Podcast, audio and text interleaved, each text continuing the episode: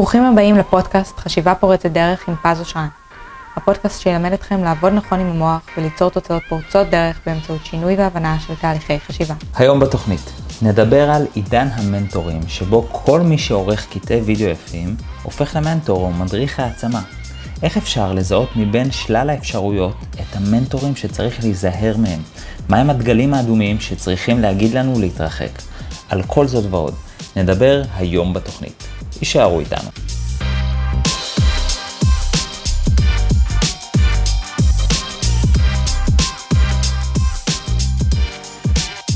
היי hey, חברים, מה שלומכם? ברוכים הבאים לפודקאסט חשיבה פורצת דרך. אני תמיד תוהה לעצמי האם להציג את עצמי, כי כבר הצגתי את עצמי כבר כמעט 70 פרקים, או שדי, הצגתי את עצמי מספיק, בואו לא נציג את עצמך. ותמיד אני תוהה לעצמי, רגע, אבל אולי יש כאן אנשים שלא היו ב-70 פרקים הקודמים ואין להם מושג מי אני, אז בואו רגע נכיר, קוראים לי פז אושרן, אני מאסטר ומורה לתחום הזה שנקרא NLP, בארצות הברית גם מאסטר בהיפנוזה. חיברתי ארבעה ספרים, שלושה הגיעו למעמד רב-מכר. יש לי קליניקה בראשון לציון, אה, בית ספר ל-NLP ברמת גן, ואני מגיש לכם כאן את הפודקאסט הזה, חשיבה פורצת דרך, בכל יום שני ובכל הפלטפורמות. ואם אתם ותיקים, אז זה משהו שבטח נחמד לשמוע. ברוכים השבים, כי אתם באמת באמת שווים. אני ממש שמח שאתם חוזרים, ותודה גם על הלייקים ועל האהבה ועל השיתופים, ותודה על הקהל המדהים והמדהים שאתם. אה, יצא לי פעמיים מדהים, אבל אתם באמת אה, מדהים סופר.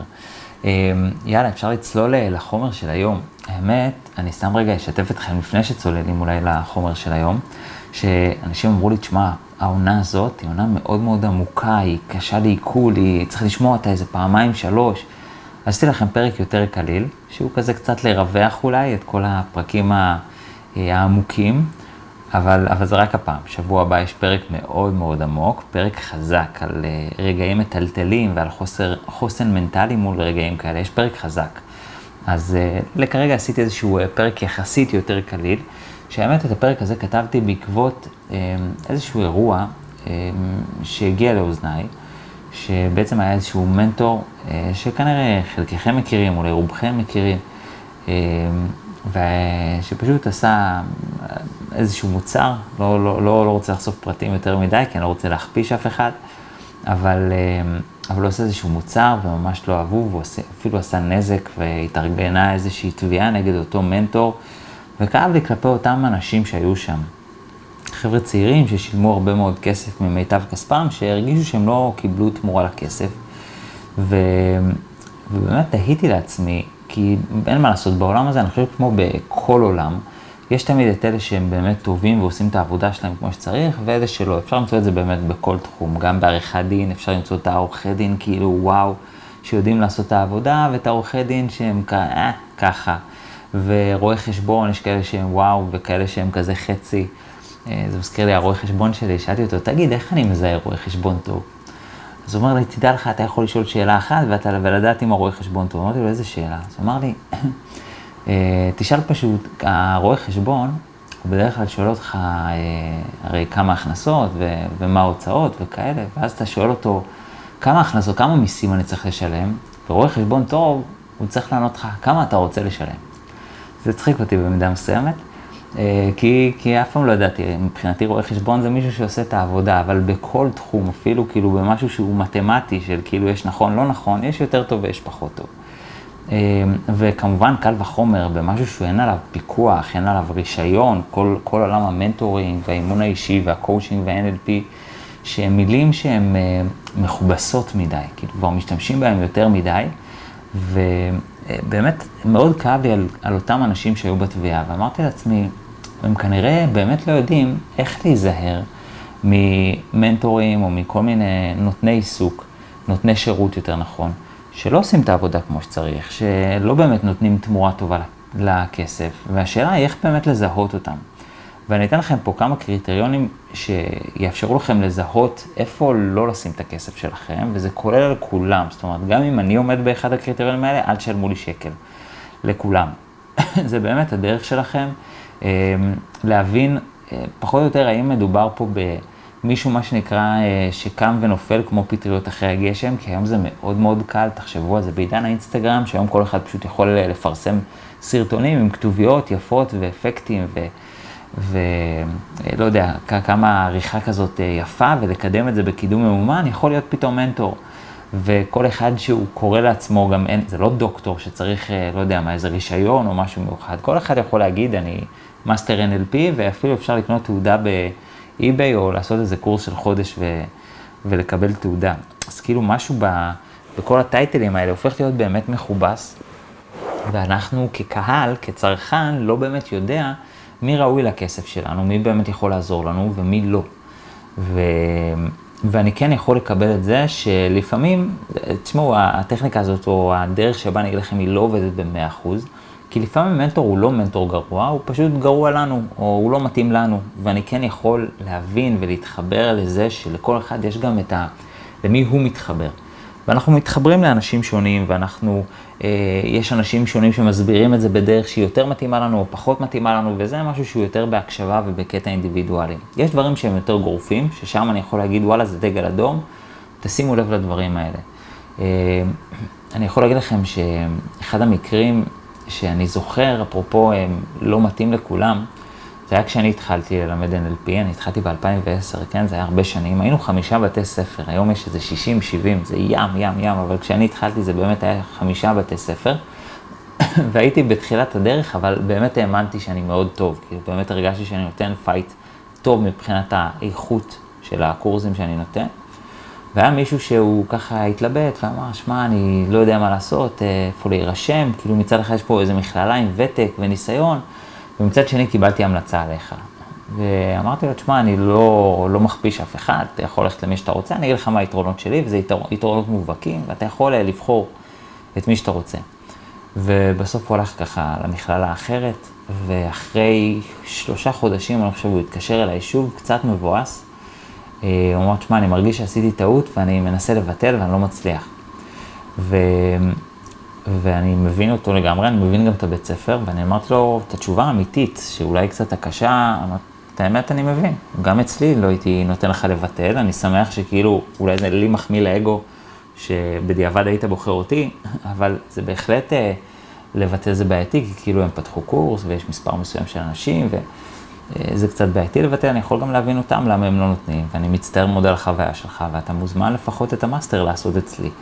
ו, ובאמת, לפעמים ברגעים האלה אנחנו יכולים להבין אם מוצר טוב או לא, רק בדיעבד.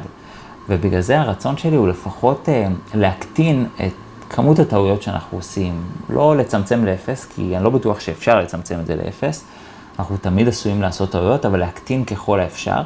ובעיקר כי גם רוב האנשים שנרשמים לקורסים האלה זה בחורים צעירים, זה חבר'ה כזה אחרי צבא, 20, 30, 40, גם הם מבחינתי צעירים. זה רוב זה הקהל שנרשם לקורסים האלה, ובעיניי, כאילו, חבל לי על הכסף שלהם, כדאי שהם ישתמשו בו בחוכמה, זאת אומרת, אין בעיה אם אדם הוציא גם 100 אלף שקל, בסדר? כאילו, כשאני למדתי NLP אני הוצאתי 10,000 דולר על כל קורס, דולר של אז שהיה 4 שקל, וה... וזה היה באמת הרבה כסף של אז, אבל בדיעבד אני יכול להגיד היה שווה כל שקל וכל אגורה, והייתי גם אה, משלם פי 2 ופי 3 מזה. אז העניין הוא לא רק הסכומים, אבל להוציא סכום לשווא, לזרוק אותו לפח בגיל צעיר, שבאמת צריך כל שקל, זה באמת כואב הלב.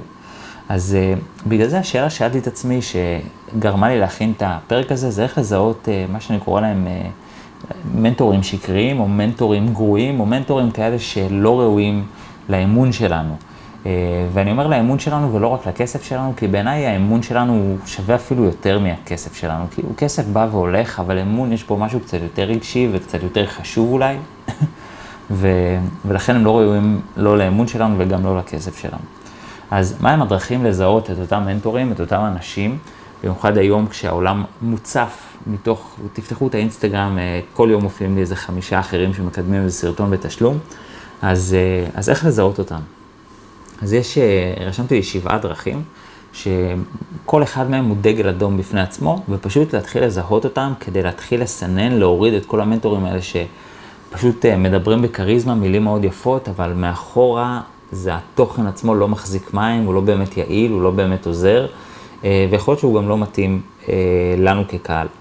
אז איך אנחנו מזהים את זה? כמה דרכים. אחד, חוסר עקביות. זאת אומרת, ופה אני רוצה רגע טיפה להיזהר, אבל אני קודם אגיד את זה כמו, ש, כמו שזה. זאת אומרת, מה זה אומר חוסר עקביות? זה אומר שאתם יכולים לראות שפעם הוא, עושה, הוא מתמחה ב, לא יודע מה נגיד, בביטחון עצמי, ואחרי חצי שנה הוא עושה סדנה לעסקים, ואחרי חצי שנה תחום אחר לגמרי, זאת אומרת, כל הזמן הוא משנה איזשהו תחום, הוא משנה נישה, הוא משנה, הוא משנה טייטל, זאת אומרת, אין לו מוצר אחד שאיתו הוא רץ הרבה זמן. עכשיו, למה אני אומר להיזהר מזה? כי בגדול, שינויים זה לא דבר רע. אנחנו היום חיים באיזשהו עידן שמראים לנו כאילו, משתמשים בזה המון בפוליטיקה, של כאילו, תראו איך הפוליטיקאי הזה, אה, הוא שינה את דעתו, פעם הוא חשב ככה והיום ככה, אז הוא זגזגן. זאת אומרת, נותנים לנו לעשות אנטי מאנשים שמשנים את דעתם. לא, אין בעיה עם אנשים שמשנים את דעתם, הפוך, זה דווקא מראה על גמישות. זה מראה שאדם פתוח בחשיבה שלו, והוא לא מקובע, זה לא איך שאדם נולד, אז ככה הוא ימות. זה, הדבר הזה הוא בריא. אבל חוסר עקביות, זה אומר, אין להם מוצר אחד, דרך אחת, שבה הם מתמידים.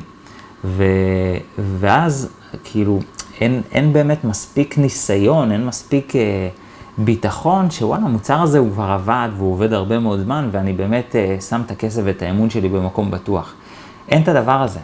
ובגלל זה, אחד הדברים שנורה אדומה, זה מישהו שאם אני מסתכל שלוש שנים אחורה, זה לא הרבה זמן, שלוש שנים אחורה, אני רואה אותו עשה שלוש דברים שונים, שלושה דברים שונים. לא יודע מה, פעם זה סדנה לעסקים, ופעם זה סדנה לקהל הרחב, ופעם זה לפה, ופעם זה להורים, ופעם זה לזוגות, ופעם זה... כל פעם זה למשהו אחר. עכשיו, חשוב לי, שוב, לדייק את הדבר הזה, כי באמת עשויים להבין את זה בצורה לא נכונה, וחשוב לי לא להבין, שלא תבינו את זה לא נכון. זה לא ששינויים זה רע, וגם זה לא ש... זה לא בסדר שלאדם יהיו כמה מוצרים. זאת אומרת, גם לי יש כמה מוצרים, כן? יש לי ספרים על תקשורת ועל ביטחון עצמי, ולחיילים משוחררים, ועל רגשות, ו... וכל פרק עוסק במשהו אחר. זה לא עניין שיש כמה מוצרים, זה העניין של עצם השינויים. זאת אומרת, אחרי חצי שנה, שנה, הוא זורק את מה שהוא עשה, ופתאום הוא בוחר כיוון אחר.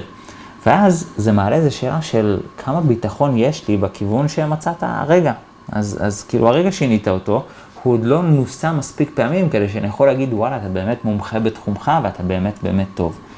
אמ, אז, אז כשאני מזהה חוסר עקביות על בסיס קבוע, או איזשהו שינויים בקו ובטייטל שאדם נותן לעצמו, זה איזשהו דגל, זה לא דבר לפסול עליו, כי באמת צריך להיזהר לא לחשוב שאם הוא משנה את דעתו זה רע, ולא לחשוב שאם הוא יש לו כמה מוצרים זה רע, לא, זה לא המצב, אלא זה פשוט, הוא משנה את המוצר הדגל שלו ואת מה שהוא עושה ואת העיסוק שלו אה, לעיתים, לעיתים תכופות. ושוב, מבחינתי שלוש שנים זה לעיתים תכופות. אם אדם לא מסוגל לעשות את אותו דבר שלוש שנים, חמש שנים, שלוש שנים, בסדר? לא, אפילו לא חמש שנים, שלוש שנים, זה שם בסימן שאלה את, את רמת הניסיון שלך. כי אם למדת אה, לפני חצי שנה את התחום הזה, או שנה, זה לא מספיק ניסיון כדי להיות מומחה במשהו.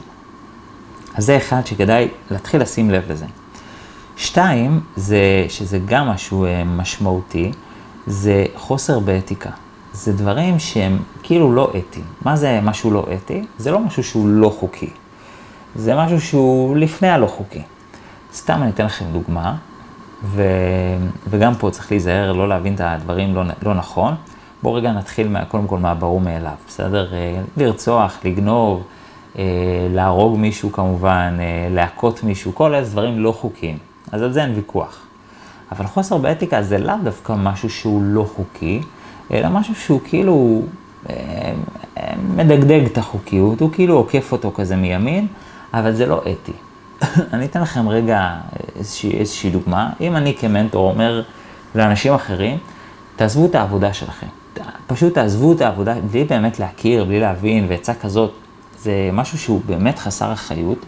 אז, אז הדבר הזה הוא, הוא, הוא לא לא חוקי, זה לא שהוא, אולי הוא יכול לתבוע אותי, אני כן מקבל את זה, אבל זה לא שעברתי פה על איזשהו חוק, שהחוק אוסר עליי להגיד לאנשים לעזוב את העבודה שלהם, זה לא לא חוקי. זה לא בסדר, זה כאילו עשוי להסב נזק לאנשים. ו... ויש דברים שהם כאילו לא אתיים. ואפשר לראות שלפעמים הם אפילו לא עומדים במילה של עצמם. ואם אתם רואים אדם שלא עומד, בכללי אגב, אנשים, אפילו לאו דווקא מנטורים, וואלה, הייתי לוקח את זה לכולם. אדם שלא עומד במילה של עצמו ויש לו איזה חוסר אתיקה, זה אדם שהייתי שם דגל אדום. הייתי שם את הדגל, כמה אני יכול לסמוך על האדם הזה. וכל אחד אגב יכול להגדיר לעצמו מה זה חוסר אתיקה, מה זה אדם שלא עומד במילה שלו, מה זה אדם שהוא לא ישר, שבאמת אני יכול לסמוך עליו. אני כן מסתכל גם על הדברים הקטנים. ברמה שהוא אומר לי, כן, בטח, יום ראשון אני שולח לך, וזה לא אצלי יום ראשון, זה, הוא לא עומד במילה שלו. אז אני מסתכל גם על הדברים הקטנים. שוב, ברור שאני מבין שהחיים הם דינמיים ויכול לקרות דברים, וכאילו, גם אני לפעמים קורה שאני אומר למישהו, אני אחזור אליך והיה לי יום יותר עמוס ממה שאני חושב, סבבה. זה לא עניין של מקרה אחד ופסלתי את הבן אדם, אבל אני בודק האם לבן אדם יש באמת יכולת, או נגדיר את זה הפוך, אין לו יכולת לעמוד במילה של עצמו, או שהוא סך הכל עומד במילה שלו, אבל קרה פה, קרה שם. המטרה היא לא להיות איזה, איזה בית משפט כזה מהלך, לא, אבל כן להתחיל כזה לפתוח עין לגבי רמת האתיות, כמה זה, הוא בסדר עם זה שהוא קרוב לעבור על החוקים, שהוא עושה דברים שהם לא לגמרי בסדר. אני אתן לכם רגע עוד דוגמה איפה מזהים את זה, בשיווק. למשל, לפעמים, הרבה פעמים אני רואה שיווק שמפציץ, שכאילו מבטיח הרים וגבעות, ואז אתה מגיע למוצר, וזה הרבה הרבה פחות אפילו מהמישור, לא הרים וגבעות. וכאילו יש פה איזה פער בין מה הבטחת בפרסום למה אתה מבטיח בפועל. וזה חוסר באתיקה. לא יודע אם זה משהו לא חוקי, אבל זה משהו שהוא לא אתי, כאילו, היה לך מילה של מה אני מקבל, של עם מה אני יוצא, ותעמוד מאחורי המילה הזאת. אז אם אני לא יכול לסמוך עליהם, מבחינתי זה דגל אדום נוסף. דגל אדום שלישי זה חוסר ניסיון. כאלה שאין להם ניסיון. והם התחילו כזה לפני חצי שנה, לפני שנה, לפני שנתיים, וגם את הניסיון אגב, מאוד חשוב לדעת איך מודדים. האם זה מהרגע שהוא התחיל ללמוד? האם זה מהרגע שהוא התחיל לעסוק בתחום? האם זה מהרגע שהוא קרא ספר? מה, מה, איך הוא מגדיר את הניסיון? ואני מאוד אוהב להגדיר, כאילו, איך הוא, לשמוע איך הוא מגדיר את הניסיון, כי זה עוזר לי גם להבין משהו על האתיקה שלו. אז, אז מה זה הניסיון שלך? וכן, אני כן מאמין שיש דברים שיותר נכון, במיוחד בתחום הזה, כשאנחנו עובדים עם חיי אדם, ניסיון, ואני קורא לזה חיי אדם, כן, זה לא חיים ומוות, אבל אנחנו עובדים פה עם נפשות של אנשים בכל התחום הזה של אימון אישי וקואוצ'ינג ו-NLP וכל התחומים האלה, זה באמת לעבוד עם נפשות של אנשים, ואנחנו חייבים לקחת את זה באמת ברצינות, וזה לא ש, ש... לא יודע מה, חוסר ניסיון, אדם לא יכול לעסוק בתחום, כי אז אף אחד לא יכול לעסוק בתחום, כל אדם מתחיל עם חוסר ניסיון. אבל בין להתחיל לעשות משהו ולצבור ניסיון, לבין כבר להגדיר את עצמך כמומחה ותותח בתחומך, בלי הרבה ניסיון באותו תחום, זה כבר חוסר אתיות. ופה זה דגל אדום מבחינתי. אז, אז אני בעצם מאוד, מאוד אה, כזה סקרן למה, האם רמת הביטחון תואמת את רמת הניסיון שלו, מין, מין בדיקה כזאת. זאת אומרת, זה בסדר גמור, בסוף לכולנו אה, אין מספיק ניסיון ביחס למישהו אחר. אני יכול להסתכל על מי, אנשים שאני למדתי מהם, שזה טוני רובינס, וריצ'רד בנדלר שפיתח את ה-NLP, וביחס אליהם אין לי מספיק ניסיון. סבבה לגמרי, ואולי גם הם מסתכלים על אנשים אחרים, אני לא יודע, ואומרים שלהם אין מספיק ניסיון, והתלמידים שלהם מסתכלים עליי, ויש כאלה שמסתכלים על התלמידים שלי, וזה לא נגמר. אז, אבל בסוף, בסוף ברור שתמיד אפשר יותר ניסיון ופחות ניסיון, אבל אני כן רוצה איזושהי רמה של התאמה בין מידת הביטחון לרמת הניסיון. זאת אומרת שרמת הניסיון שלך תשקף את רמת הביטחון שלך.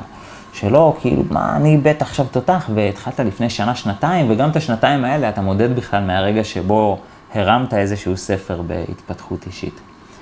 אה, דגל רביעי זה אלה שמאמינים שיש רק דרך אחת נכונה, וזו הדרך שלי.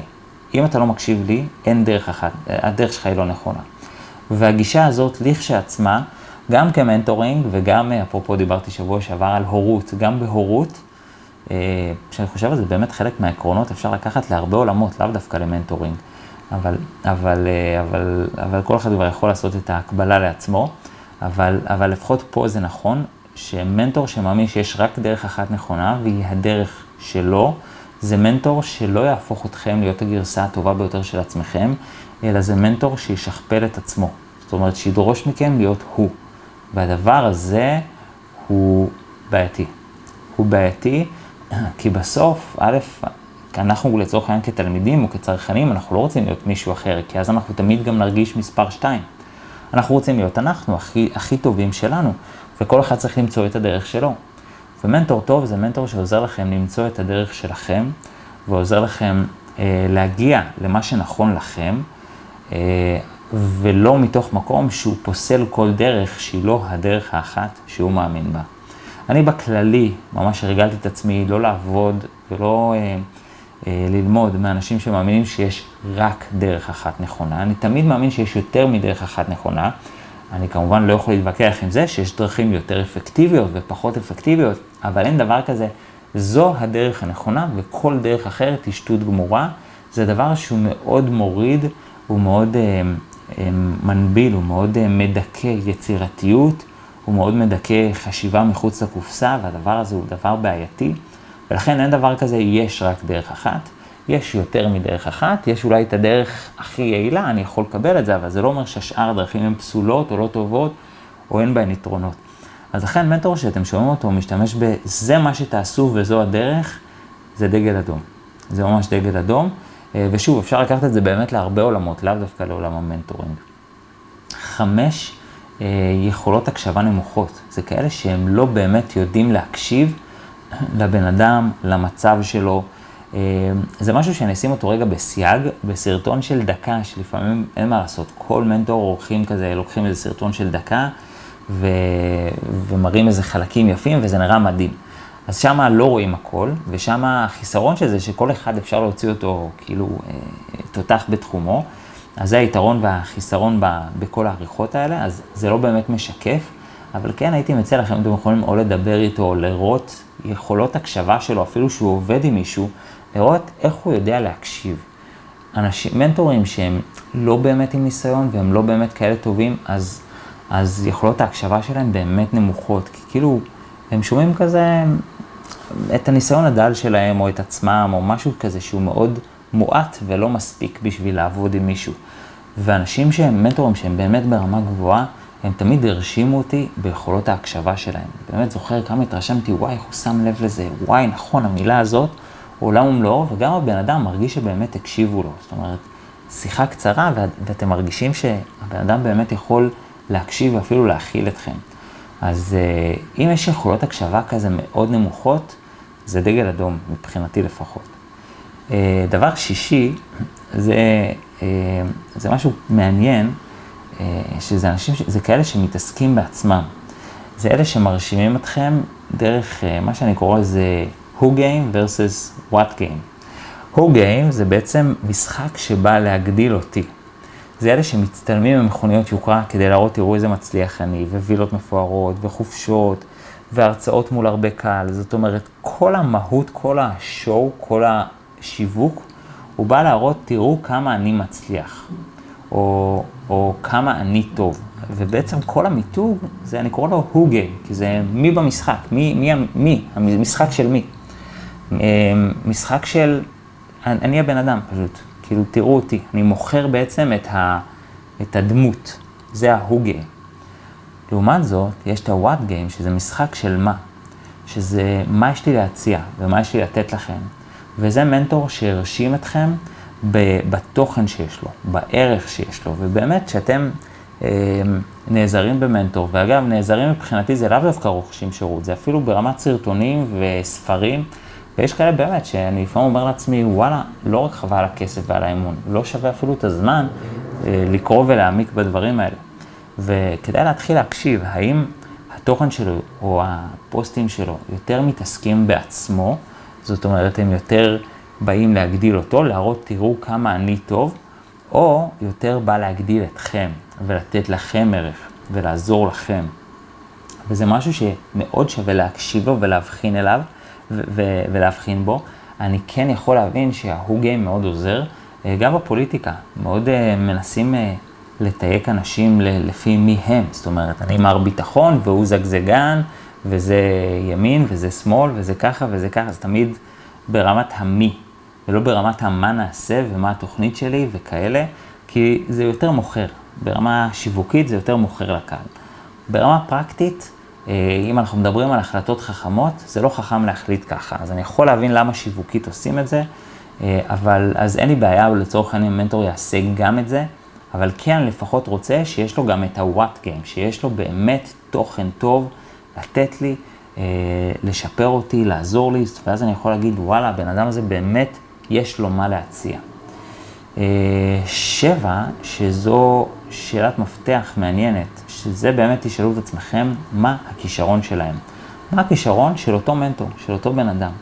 כי לפעמים אנחנו באמת מסתכלים על בן אדם, והכישרון שלו לא קשור למה שהוא בא לעזור לי. זאת אומרת, לפעמים הוא פשוט יודע להעביר את המסר מאוד יפה, והוא כריזמטי וכאלה, אבל בין זה, לצורך העניין, לעזור לי, לעשות, אה, לא יודע מה, לעזור לי בעסקים, יכול להיות שיש פער. כאילו, לא בטוח שהוא הוכיח את עצמו בעסקים.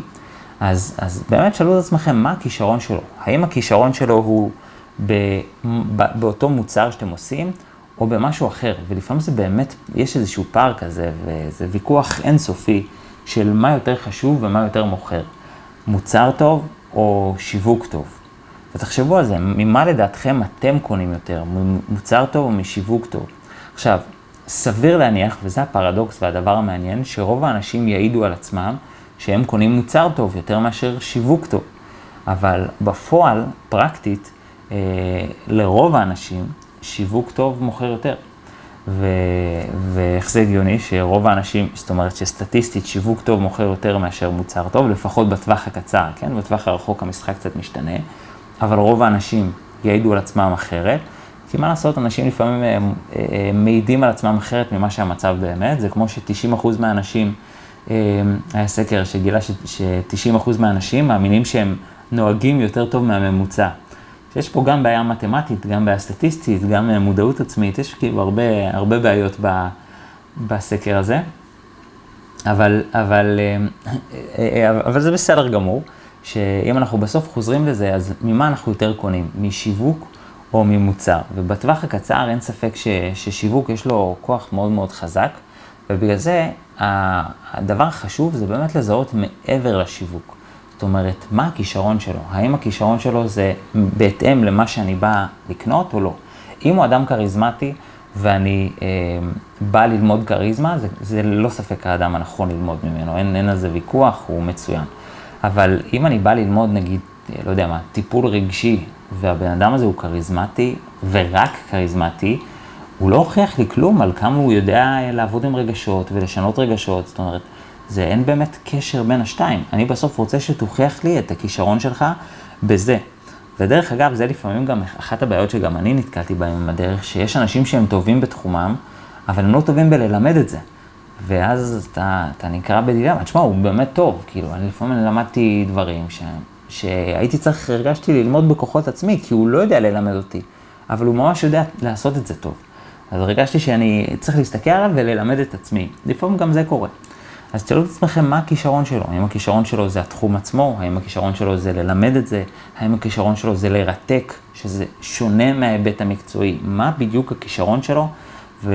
ואז לפי זה אפשר לקבל את ההחלטה אם המנטור נכון לכם, מתאים לכם, או שהוא גרוע לכם, במטרה שבאמת אה, תעשו כמה שפחות טעויות, אה, שיגרמו לכם לנזק באמון, לנזק פיננסי, וגם לנזק ברמת יישום העצות, כי אם אנחנו מיישמים עצות לא טובות של אדם חסר ניסיון, של אדם שהוא אה, מנטור שלא באמת ביסס את, ה, את הדברים שלו כמו שצריך, זה גם נזק בפני עצמו.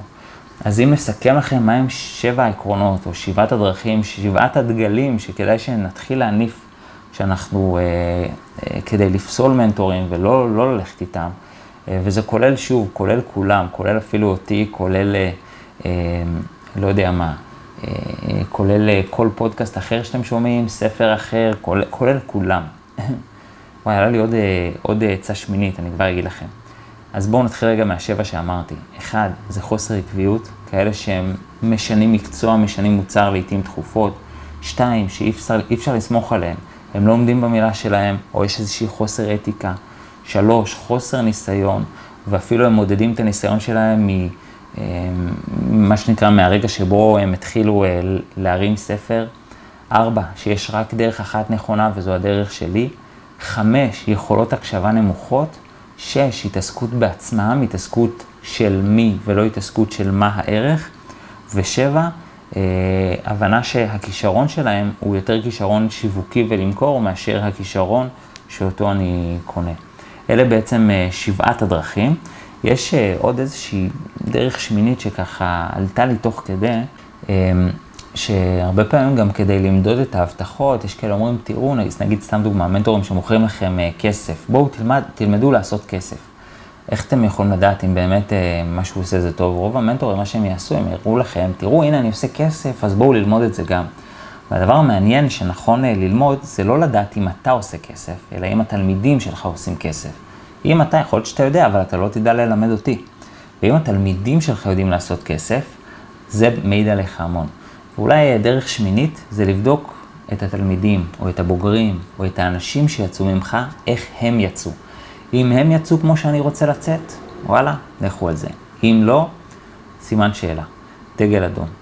אמ, עד כאן לפודקאסט זה, אני מקווה שזה עזר לכם. אני כן מציע לכם, על אף הסכנות ועל אף שיש באמת אמ, גם הרבה מנטורים שבסוף תמצאו את עצמכם באמת אה, אולי אה, שבזבזתם כסף לשווא, או שבזבזתם זמן, או שבזבזתם אמון, עדיין אל תתייאשו מעולם ההתפתחות האישית, הוא עולם מדהים, הוא עולם חשוב, הוא עולם קריטי, הוא, הוא עולם שנותן לנו המון, אה, במיוחד בשלב המוקדם של החיים שלנו. לכן אל תוותרו, תמיד תהיו בהתפתחות בכל דרך שהיא. זה באמת יכול להיות דרך סרטונים, דרך ספרים, דרך פודקאסטים, דרך ליוויים אישיים, דרך קורסים, דרך מה שאתם רוצים. העולם באמת מציע אינסוף, ותמיד, תמיד, תמיד תהיו בהתפתחות, זה סופר חשוב. ואולי זו הזדמנות גם להזכיר לכם, שאם אתם רוצים אה, קורס התפתחות אישית ברמה מאוד מאוד גבוהה, אז אתם מוזמנים כמובן אה, לקורס המטורף שלנו, שהוא קורס של NLP וחשיבה פורצת דרך ברמה באמת גבוהה שאין בארץ.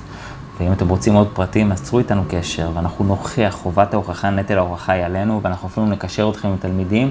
תראו איך הם יצאו, כי הם באמת יצאו מדהימים, ויש לנו בוגרים שאנחנו מאוד גאים בהם. אז uh, עד כאן לפרק זה, תודה רבה לכם שהאזנתם.